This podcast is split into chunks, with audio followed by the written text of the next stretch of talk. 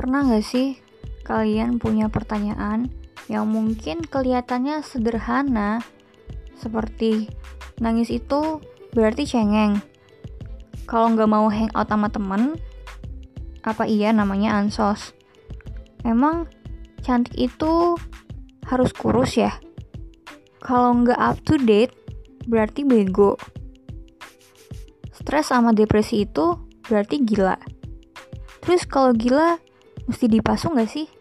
Dan berbagai macam pertanyaan lainnya. Kalau kalian penasaran, bisa dengerin podcast UPA, podcast sok tahu yang akan gue share soal kesoktawan gue tentang kesehatan mental dan isu-isu yang lainnya. Selamat mendengarkan.